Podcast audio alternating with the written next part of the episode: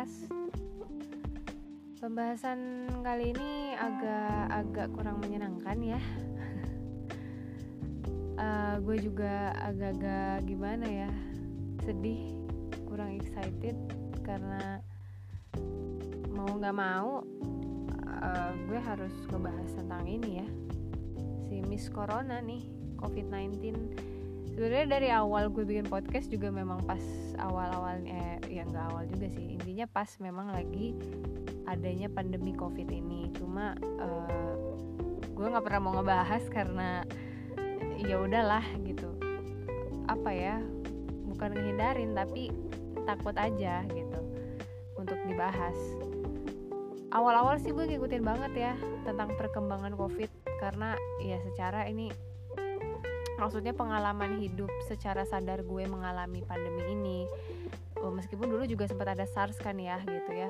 Dan banyak lagi pandemi-pandemi lain yang masuk ke Indonesia ataupun negara-negara luar. Tapi kan dulu istilahnya gue masih kecil nggak begitu ngerasain. Nah sekarang kan gue udah dalam keadaan dewasa yang benar-benar sadar yang merasakan hidup di zaman pandemi gitu. Uh, heboh banget. Jadi gue sempat ngikutin banget awal-awal corona gimana tapi makin ke sini sumpah jujur makin takut. Karena apa ya? Ini membludak banget gitu. Kayak hari ini gue baca baru seribu. Besok udah lima ribu. Besoknya lagi udah sepuluh ribu. Dan itu wah banget gitu. Bikin apa ya? Ya takut ada sedih ada gitu. Makanya gue selalu nggak pengen ngebahas. Cuma gimana? Karena tadi pagi tadi pagi gue baca lagi berita itu udah mencapai eh, mencapai angka 18 ribu ya. Kalau nggak salah ya 18 ribuan yang positif. Yang sembuhnya itu baru 4 ribuan gitu. Gue yang aduh shock banget takut panik sedih ah campur aduk lah gitu. Dan akhirnya ya udahlah dibahas aja. Karena ya podcast gue ya diary gue gitu. Jadi kayak gue nggak bisa cerita ke orang lain.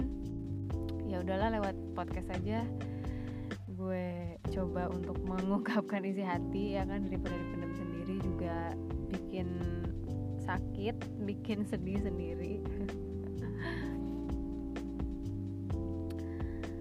Ya jadi gitu intinya corona makin merajalela bikin takut bikin mental down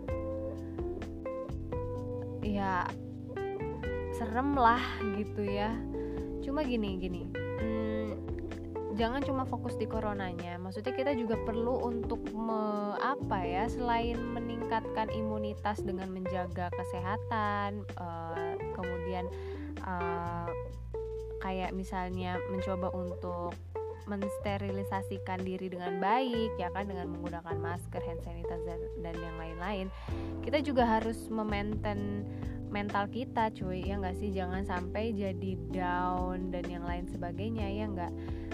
Caranya gimana? Ya mungkin salah satunya ini salah satunya gitu ya dengan kita baca eh, baca-baca sejarah lah gitu. Maksudnya sejarah tentang penyakit ya tentang penyakit dan pandemi yang seperti ini kita lihat kita bandingkan gitu dengan contoh misalnya dengan zaman dulu dan zaman sekarang kayak zaman dulu kan pasti pernah dengar lah ya pandemi kolera, SARS ya kan dan yang lain sebagainya gitu. Termasuk ada yang pernah dengar nggak ini ada flu Spanyol. Flu Spanyol ini katanya adalah pandemi terbesar sepanjang sejarah ya. Di tahun 1918 nih ada itu flu Spanyol. Karena kenapa paling terbesar karena dia hampir sepertiga penduduk bumi yang kena, cuy dan ya makanya itu besar banget. Nah kenapa gue bilang uh, bisa memaintain uh, mental dengan baca-baca sejarah kayak gini? Karena istilahnya gini zaman dulu ya jelas lah ya fasilitas kurang pengetahuan juga kurang tenaga medis dan yang lainnya kurang gitu. Dan memang lebih parah banget cuy zaman dulu dengan zaman sekarang.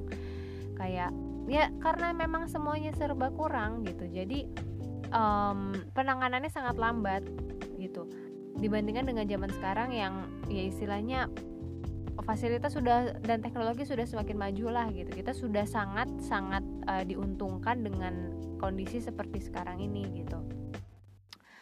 Gue gue sempat sempat baca lah gitu. Gue baca um, apa namanya ya memang agak-agak ya ini agak tenang sedikit sih gitu. Dari yang ah ya ya Allah zaman dulu tuh bener-bener parahnya yang kayak mayat bergeletakan di mana-mana. Itu karena memang si petugas yang mau nguburnya aja tuh katanya sampai ketularan gitu. Karena ya itu mungkin prosedurnya ya nggak sih kurang um, apa ya ya semuanya kurang memadai kurang pengetahuan ya kan untuk uh, menjaga diri sendiri. Yang seperti itulah itu lebih parah banget. Jadi kayak terus gue compare gitu oh tapi sekarang begini ya sekarang lebih bagus ininya apanya gitu. Jadi yang agak-agak gitu sedikit tenang lagi gitu nggak yang panik. Karena jujur tadi pagi gue panik banget cuy. Tadi pagi pas gue baca berita covid itu panik banget gila 18 ribu. Itu kemarin gue baca kayak baru 13 ribuan gitu. Tadi pagi udah 18 ribu yang positif dan yang sembuh baru 4 ribuan. Sumpah itu yang ya ampun panik gitu. Makanya pas pulang-pulang gue cari-cari gimana ya ternyata baca artikel yang lain lah gitu. Ternyata ada juga lah tentang pandemi di masa lalu yang ternyata lebih besar dan lebih mengerikan. Nah itu dan gue ngerasa kayak agak sedikit tenang lah gitu ya.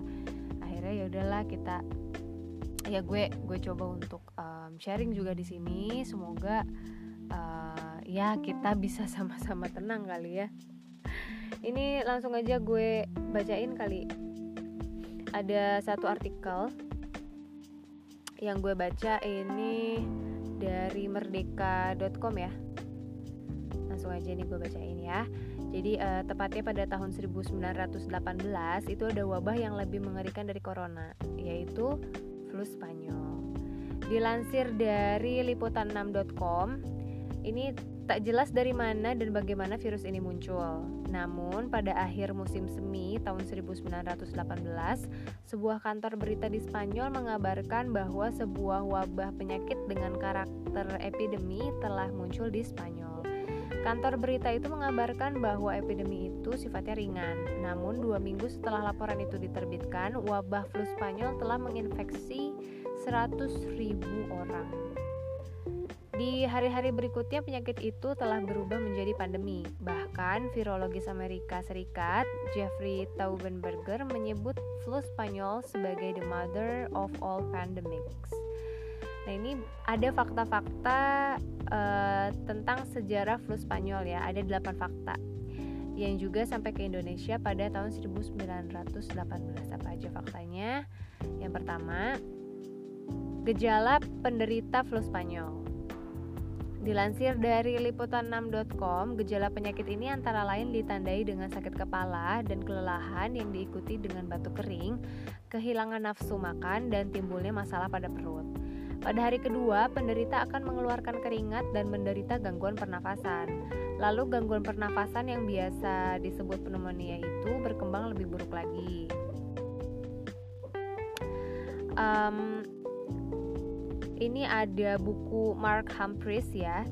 Uh, jadi di buku itu pneumonia atau kompilasi pernafasan yang disebabkan oleh flu sering menjadi penyebab utama kematian.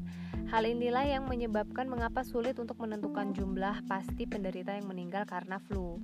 Karena penyebab kematian berasal dari sesuatu selain flu. Sementara itu, dilansir dari historia.id, cepatnya penularan disebabkan karena virus itu menular lewat udara, sehingga jangkauannya lebih luas dan membuat jumlah korban amat tinggi. Tercatat 60% dari populasi dunia tertular, tertular virus ini. Yang kedua, flu Spanyol sampai ke Indonesia. Masih dilansir dari sumber yang sama, flu Spanyol kemungkinan masuk ke Indonesia melalui jalan darat. Pemerintah Hindia Belanda mencatat virus ini pertama kali dibawa oleh penumpang kapal dari Malaysia dan Singapura dan menyebar melalui Sumatera Utara. Virus itu kemudian menyerang kota-kota besar di Jawa pada Juli 1918. Pada awal penyebarannya, penduduk tidak sadar ada sebuah virus yang menyebar cepat dan mengamuk dengan amat ganas. Apalagi saat itu perhatian pemerintah tertuju pada penanganan penyakit menular lain seperti kolera dan cacar. Yang ketiga menyerang kota-kota besar di Jawa. Pada awal kedatangannya di Indonesia, hanya sedikit orang yang berpikir bahwa flu Spanyol itu berbahaya. Bahkan Asosiasi Dokter Batavia menyimpulkan bahwa flu Spanyol tidaklah berbahaya bila dibandingkan dengan flu pada umumnya. Akibatnya dalam hitungan minggu, virus itu menyebar ke Jawa, ke Jawa Barat, yaitu Bandung, Jawa Tengah, Purworejo dan Kudus, dan Jawa Timur, Kertosono, Surabaya, dan Jatiroto. Selain Pulau Jawa, virus itu juga menjangkit Kalimantan, yaitu Banjarmasin dan Pulau Laut, sebelum mencapai Bali, Sulawesi, dan pulau-pulau lain di sekitarnya. Yang keempat, kesalahpahaman mengenai flu Spanyol. Kesalahpahaman terhadap flu Spanyol menjadi salah satu penyebab telatnya penanganan terhadap pandemi ini. Dinas Kesehatan Sipil Hindia Belanda atau BGD bahkan sempat salah dengan mengira penyakit itu adalah kolera. Akibatnya, setelah muncul berbagai gejala, pemerintah langsung menginstruksikan BGD mengadakan vaksin kolera di setiap daerah. Kesalahan penanganan ini membuat jumlah korban meninggal makin banyak, yang sebagian besar dari kalangan Tionghoa dan Bumi Putra. Selain itu, menurut pengamatan BGD, gejala yang muncul dari virus itu persis dengan flu biasa. Penderita merasa pilek berat, batuk kering, bersin-bersin, dan sakit kepala akut di awal. Bukannya mereda, pada hari keempat atau kelima, virus telah menyebar hingga paru-paru dan berkembang menjadi pneumonia. Kalau penderita sudah sampai tahapan ini, kecil kemungkinan bagi dia untuk bertahan. Yang kelima, gelombang kedua penyebaran virus. Bila pada gelombang pertama, bulan Juli sampai September, virus itu hanya menyerang pulau-pulau besar di Indonesia. Pada gelombang kedua, bulan Oktober sampai Desember, virus itu telah sampai di pulau-pulau kecil Nusantara. Bahkan pada Januari 1919, virus itu masih menyerang Pulau Buton. Harian Simpau menyebutkan karena virus itu 200 pekerja perkebunan di Jawa Barat terinfeksi pandemik sehingga tidak bisa bekerja. Hal itu membuat produksi kopi menjadi terhambat. Sementara itu di Padang, kegiatan belajar mengajar di sekolah-sekolah dihentikan karena mayoritas murid dan guru terinfeksi flu Spanyol. Yang keenam, keterbatasan rumah sakit. Banyaknya korban flu Spanyol tidak diimbangi dengan jumlah fasilitas kesehatan yang tersedia. Seluruh rumah sakit mendadak kebanjiran pasien. Karena keterbatasan kamar, banyak pasien pula yang tidak bisa ditampung rumah sakit itu. Selain itu, para dokter juga tak bisa berbuat banyak karena mayoritas dari mereka belum mengenal virus itu. Bahkan menurut majalah Colonial Weekblad tahun 1919, masing-masing dokter di Makassar harus bertanggung jawab terhadap nasib 800 pasien. Saking frustasinya, seorang dokter di Rembang mengatakan tidak ada obat untuk menyembuhkan penyakit itu selain amal baik seseorang. Ya Bahkan beberapa dokter memanfaatkan momentum itu dengan menaikkan tarif berobat. Mereka beralasan kenaikan tarif itu dilakukan agar tidak harus melayani banyak pasien. Yang ketujuh, kondisi mencekam di Jawa. Keterbatasan fasilitas kesehatan membuat makin banyak penderita flu Spanyol yang tidak terawat. Pengobatan tradisional pun nyatanya juga tidak banyak menolong. Di Pasuruan, mayat-mayat terpaksa ditelantarkan di pinggir jalan karena banyak menggali kubur yang tertular virus itu. Dalam laporan BGD tahun 1920 menyebutkan seluruh desa di Hindia Belanda tidak ada yang tidak terinfeksi penyakit itu. Akibatnya pintu rumah tertutup, jalan-jalan begitu lengang, dan anak-anak banyak yang menangis di rumah karena merasa haus. Banyak binatang yang meninggal uh, pada saat itu. Hari-hari itu sangat penuh dengan kesengsaraan. Fakta yang terakhir yaitu banyak korban meninggal. Atas peristiwa mengerikan itu, banyak korban meninggal berjatuhan. Pada November 1918, jumlah penduduk Indonesia yang meninggal karena flu Spanyol berjumlah 402.163 jiwa. Namun sebenarnya tidak diketahui secara pasti berapa jumlah korban meninggal.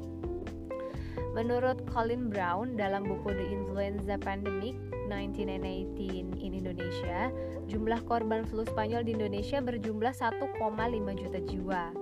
Sementara itu, flu Spanyol menyebabkan persentase kematian di Jawa Tengah dan Jawa Timur naik dua kali lipat, bahkan lebih. Nah itu salah satunya pandemi terbesar ya, tapi memang flu Spanyol ini katanya pandemi paling terbesar sepanjang sejarah ya kan? Maksudnya apa ya? Setelah dibaca gitu memang terdapat begitu besar perbedaan antara zaman dulu dengan zaman sekarang ya. Kayak tadi dokter banyak yang belum kenal virus itu gitu. Kayak corona ini juga memang pada awalnya nggak tahu tapi sangat lumayan cepat kan penanganannya. Maksudnya ada tim peneliti juga gitu dengan teknologi yang semakin maju mereka meneliti lebih cepat gitu. Sampai uh, katanya kan vaksinnya juga udah keluar ya. Tapi nggak tahu dia udah masuk udah masuk ya udah masuk Indonesia atau belum lah. Gue nggak ngerti lah nggak begitu ngikutin. Jadi cukup cepat memang penanganannya. Sebenarnya kalau dilihat ya dilihat apa ya ini gue yang nggak ngerti politik gue yang nggak begitu mengerti dan mengikuti berita-berita seperti ini gitu. Cuma sepintas yang gue lihat kayak penanganan dan juga yaitu e, relawan ya kan tenaga medis dan yang lain-lainnya para peneliti itu cepet sigap sigap banget dalam menangani hal ini gitu. Cuma masalahnya satu apa sih? Ya salah satunya kesadaran dari kitanya sih kesadaran warga sendiri Kenapa gue bilang kesadaran dari warga sendiri begitu banyak peraturan yang telah diberikan eh, oleh pemerintah ya kan dan pengorbanan yang dilakukan oleh para relawan kita, pahlawan kita, tenaga medis. Peraturan pemerintah salah satunya aja PSBB itu masih banyak banget yang ngelanggar cuy ya kan. Udah mah kemarin insiden McD Sarina ya kan yang aduh orang-orang pada ngumpul itu gue jujur gue nggak baca tuh berita karena dari headline-nya aja gue udah yang emosi ya nggak sih? Uh, eh, gue biasa baca berita di Line Today gitu kan. Nah, dari headline-nya udah kelihatan dari foto-fotonya ini ada orang pada ngumpul di situ ini ada apa? Gue cuma baca uh, McD Sarina tutup. Dan orang pada datang untuk mengabadikan momen. What the hell gitu. Apa apa aduh aduh sorry deh gue nggak ngerti segimana hype nya saat itu Mac di Sarinah ya. Gue nggak ngerti gue belum pernah nginjek gue nggak tahu. Tapi gue juga nggak ya itulah gue nggak paham uh, seberapa menyedihkannya gitu ditutupnya Mac di Sarinah sampai lo mau mengabadikan momen. Gitu minta maaf sebelumnya gue nggak nggak tahu deh gitu. Uh, apakah harus di tengah-tengah pandemi seperti ini lu datang foto untuk mengabadikan momen? Sorry deh gitu. Gue emang nggak tahu. Gue nggak tahu. Gue belum pernah jadi orang yang punya pengalaman di sana sih gitu ya. Minta maaf lah ya. Cuma menurut gue ya kalau bisa agak ditahan lah. Dikit-dikit ya ya gitulah intinya. Salah takut salah ngomong juga. Ini salah sedikit viral sih soalnya ya ya ini pendapat gue aja gitu kan. Itu insiden Mac di Sarina. Terus gue baca lagi ada uh, apa namanya di KRL nih KRL jurusan mana lagi ya gue lupa. Itu ada lagi cuy uh, apa namanya penumpukan penumpang gitu. Lah kok jadi tiba-tiba banyak yang pada pergi-pergian nih gue bilang gitu kan. Terus gue baca lagi uh, apa namanya di bandara cuy jadi aktivitas pesawat juga ada yang udah beraktivitas lagi ya. Aduh nggak ngerti leh. Eh nggak ngerti lah. Aduh sampai belepotan gue ngomong ini. Eh, nggak begitu ngikutin juga. Cuma baca sepintas sepintas karena gini gue kalau ada berita yang emosi gue mending nggak baca deh gitu. Jadi sorry ya kalau gue ngasih informasi juga setengah-setengah. Karena gitu ini beritanya ngeselin. Ah daripada gue emosi gitu kan. Jadi gue cuma baca apa sepintas doang gitu. Ini gue baca juga ya itu. Ada aktivitas di bandara intinya ada mulai um, apa namanya berjalan kembali. Karena nah ini udah ada peraturan lagi katanya kan dari pemerintah yang istilahnya kalau lo mau keluar harus punya surat sehat dan yang lain sebagainya kan. Ini udah dikasih peraturan sebenarnya untuk mencegah tapi tetap ada aja yang bisa keluar dengan mengandalkan surat sehat itu. Dan ternyata ada lagi berita ya kan? Ada oknum-oknum lagi tuh yang ternyata udah ketangkep ngasih surat sehat palsu. Nah kita nggak tahu dong itu kemarin yang dapet dari oknum itu kah ya kan? Surat sehat lo palsu atau tidak gitu. Syukur-syukur kalau memang kemarin yang orang-orang pergi itu benar-benar dalam keadaan sehat. Syukur alhamdulillah gue bersyukur mudah-mudahan kalian juga selalu dalam keadaan sehat. Cuma kalau memang lagi sakit maksudnya dalam uh, keadaan yang kenyataannya sakit terus lo dapat surat yang palsu hanya untuk pergi ya kan kasihan ke diri lo sendiri dulu deh cuy gitu. Kasihan dong gitu. Belum lagi ke orang lain ya kan? Udah. Nah yang terakhir ini tadi gue baca sore ya sore gue baca ini ternyata ada lagi tuh mall uh, eh, CBD ya CBD Ciledug ya. Aduh gue nggak tahu juga. Buka cuy pas hari Minggu. Ya kan tanggal 17 tuh hari Minggu kan. Bener nggak sih? Intinya tuh mall buka dan itu banyak banget yang pada ngumpul di situ. Pada ngantri mau pada masuk mall. Mau ngapain? Mau beli baju lebaran gitu mau apa gitu. Aduh mau ngapain? Sedih gue bacanya gitu. Ya ya gue juga manusiawi. Gue juga pengen beli baju lebaran ya. Gue juga pengen lebaran. Meskipun lebaran cuma di rumah sholat idul fitri juga di rumah gitu kan. Gue manusiawi lah gue juga kepengen. Tapi kalau harus sampai berdesak-desakan begitu gue ogah deh. Nggak deh gitu dalam keadaannya seperti ini juga. Udahlah belanja online aja. Masih banyak cara gitu masih banyak banget cara gitu ya belanja online. Kalau takut pengiriman lama karena memang pengiriman juga e, dibatasin ya cuy. Gue juga pengalaman gitu ya beli dari kemarin beli barang-barang. Itu agak lama sampainya karena memang uh, dibatasin banget pengirimannya. Uh, kalau memang takut barang datang lama ya lu belinya jauh-jauh hari gitu kan ya wayahna. Ngerti wayahna nggak? Bahasa Sunda tuh wayahna. Aduh diartiin ke Indonesia apa ya? Ya terimain aja gitu apa adanya dalam kondisi seperti ini. Cari yang lain lah gitu. Atau biasanya kan banyak uh, teman-teman yang uh, apa namanya memang jualan baju ya kan? Ada teman-teman yang jualan baju kayak gitu gitulah ya udahlah beli seadanya lah di temen lo sendiri. Atau cuma di toko-toko uh, rumahan ya kan? Yang masih pada buka. Udah karena toh memang um, apa namanya lebarannya juga kayaknya nggak akan ke mana-mana cuy. Jadi nggak perlu hype banget kali beli baju lebarannya ya nggak sih? Gitu ya gitulah intinya. Ya begitu dari kitanya. Kesadarannya masih sedikit kurang cuy. Padahal awal-awal kayaknya kita udah cakep deh. Udah bagus deh. Ya nggak sih? Udah uh, eh, psbb physical distancingnya udah bagus gitu. Tapi kenapa makin deket lebaran malah makin membludak ya gitu? Ma ma makin ke sini malah makin banyak gitu yang uh, melanggar peraturan dan yang lain sebagainya gitu. Sangat disayangkan padahal awal-awal kita udah ngikutin nih gitu ngikutin peraturan pemerintah. Ya kembali lagi lah gitu ya ke masing-masing. Gue juga minta maaf bukannya so tahu bukannya um, so gimana gitu mau ngasih tahu bukan. Cuma ya itulah saling mengingatkan aja. Um, boleh beraktivitas. Gue juga nggak udah nggak betah cuy psbb ya. Gue juga udah nggak betah gitu ya. Ya kita doakan. Makanya dengan tidak hanya berdoa kita juga mendukung dengan tindakan ya. Mengikuti peraturan pemerintah ya kan. Dengan seperti itu kan mudah-mudahan semuanya cepat berakhir gitu ya.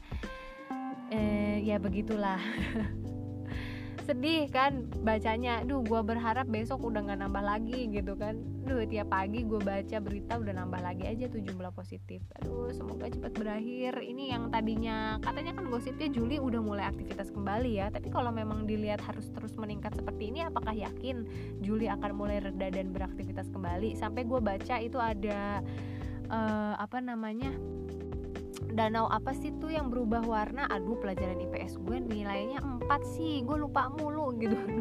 Yang dulu ada di duit 10 ribu deh kalau nggak salah. Danau-danau yang berubah warna itu loh cuy. Aduh bego banget sih gue di pulau mana lah itu. Intinya itu uh, danau sampai berubah warna loh. Nah katanya menurut ini menurut sesepuh di sana katanya itu kalau danau-danau mereka berubah warna itu menandakan akan ada suatu perubahan besar di uh, ya intinya di daerah situ di negara itu ya. Karena uh, sebelumnya ini zaman-zaman uh, dulunya nih gitu kayak misalnya uh, dia udah mengalami banyak perubahan yang akhirnya uh, menimbulkan perubahan besar juga di Indonesia cuy. Dan begonya gue lupa. Itu apa? Tuh bego banget. Gue mau ngasih informasi penting. Pada hal ini ayo dong otak bekerja ya. Saking banyaknya yang gue baca yang gue lupa eh, yang gue apa namanya tampung juga sedikit cuy.